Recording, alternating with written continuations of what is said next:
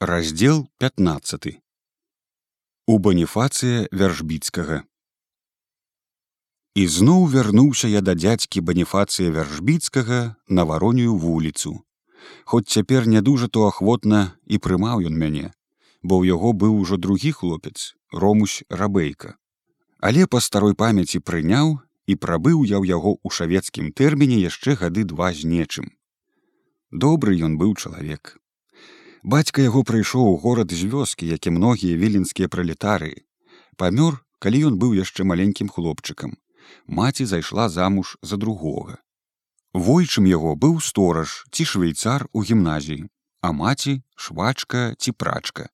Калі ён скончыў прыходскую школу яны таксама аддалі яго да шаўца ў тэрмін. Успамінаў што жылося яму ў тэрміне цяжка. Тое ж казаў і яго прыяцель дядзька ліцкевич тэрмін яны адбывалі разам у аднаго халупніка.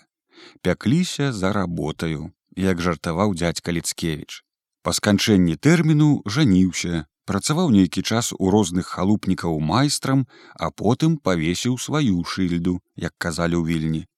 У адносінах да яго гэта азначала што зрабіўся ён шаўцом адзіночкай спярша і хлопчыкаў на вывучку да сябе не браў працаваў адзін.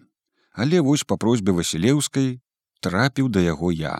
А калі пайшоў я ў школу узяў ён ромуся рабейку і зноў жа па нечай просьбе. Цяпер і я вярнуўся і стала нас у яго двое хлопцаў. Ромусь быў старэйшы за мяне на год ці болей але быў меншы за мяне. Худенькі чорненькі ціхі замкнуты ў сабе сірата.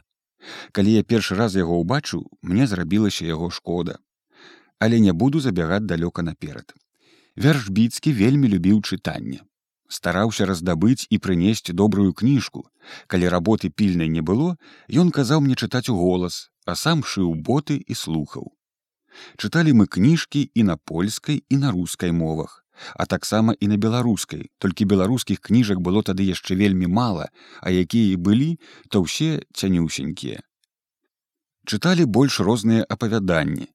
З палітычных брашурак прачыталі павукі і мухі на польскай мове чым людзі жывы на рускай і гутарку пра беднасць і багацце на беларускай.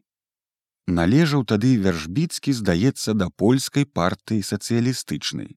Спачуваў і сацыял-дэмакратам, што я ведаю з яго гутарак са мною пра майго бацьку. Але ж, як успамінаю, хоць можа і памыляюся, меў ён большы нахіл да літаратуры і мастацтва, чым да палітыкі.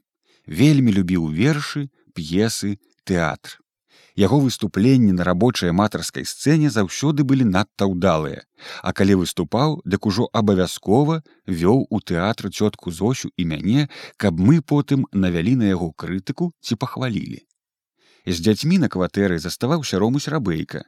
Ну, яму таксама не было нудна. Ён бясконца гады два ўсё чытаў раманы Генрыка Сянкевіча, патоп, агнём і мечам крыжакі, што засталіся яму пасля смерці брата інтралігатара асабліва ўдавалася вяржбіцкаму роля дзядулі у п'есе банкі мыдляны мыльныя пузыры а яшчэ меў ён адну ўдзячную ролю ў п'есе я забыўся яе назву таксама на польскай мове дзе друкар юхневіч іграў ролю шаўца ў тэрміне.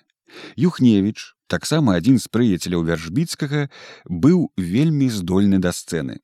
По замыслу аўтара гэтай п'есы роля шаўца ў тэрміне павінна быць дужа камічная але вяржбіцкі і юхневіч ігралі так што пасля смеху хацелася плакаць.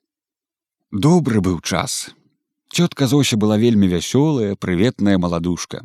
Часта прыходзіў дядзька ліцкевич высокі светлавусы заўсёды лагодны і вельмі жартаўлівы чалавек. Ён ведаў шмат народных беларускіх прыказак смешных апавяданняў жарцікаў і любіў пагутарыць пасмяяцца часта бываў тарас таксама вясёлы чалавек здаровы тоўсты з рыжымі вусішчамі што дражніўся з цёткаю зосяю празываючы яе зося рулік дружбавалі з вяршбіцкім друкар юхневіч потым яшчэ дядзька язэп туркевич сталяр з пагулянкі. І ўсё гэта былі людзі якія мне чым-небудзь падабаліся. Я ўжо добра паняў шавецкае рамяство. Вяршбіцкі быў здаволены маімі поспехамі і ў лістах да майго бацькі хваліў мяне.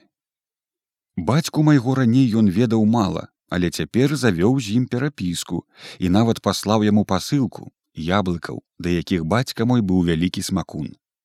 І якія ж яблыкі паслаў што прывёз тарас цётцы зосі з дзяцьмі праўдзівае тарасава імя як я ўжо адзначаў сцяпан мільянович каронес родам ён з мястэчка чарэі магілёўскай губерні там у іх растуць дужа добрыя антонаўкі буйныя буйныя і ўвосень як паспеюць вельмі смачныя араматныя ўсё роўна як крымскія яблычкі.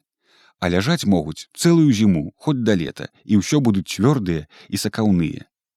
Ездзіў ён у чарэі ў госці і прывёз антонавак цэлы яшчык на зіму цётцы зосі і дзеткам. А вяржбіцкі адабраў цётцы зосі і дзеткам дзясяткі два а рэшту у тым самым яшчыку паслаў майму бацьку.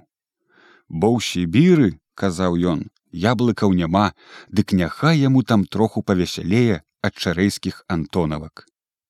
Бацька мой быў цяпер ужо недзе зачытою на таёжнай станцыі з дзіўнаю назваю Ерафей Паўлавіч. Працаваў там на пабудове дарог у тайзе. Мне ўжо канчаўся шестнадцаты год і скора скончу бы я свой тэрмін. Аж прыходжу я аднаго разу да маці на будзіловіцкую кухню і бачу там у яе гасцей. Сядзяць за столікам і п'юць гарбату. Стараваты пахілы мужчына з павіслымі бурымі вусамі у злінялым пінжаку і прыгожая чарнавокая дзяўчынка маіх гадоў. Тоўсценькая круглатварая з чырвонымі шчокамі і шырокім чырвоным ротам а на лобе ў яе каля валасоў парадачны белы рубец ад даўняй раны і ў гімназічнай форме гімназістка. Так першы раз убачыў я свайго мінскага дзядзьку халупніка антонія плахінскага і яго большую дачушку юзю. Маці моя была родам з мінска старыннай мяшчанскай рамесніцкай сям'і. Застаўшыся круглаю сіратою расла яна ў свайго дзядзькі Антоні плахінскі быў сын таго дзядзькі і даводзіўся ёй дваюрадным ці траюрадным братам. Адным словам сёмая вада на кісялі, але з малых гадоў раслі яны ён і маці разам.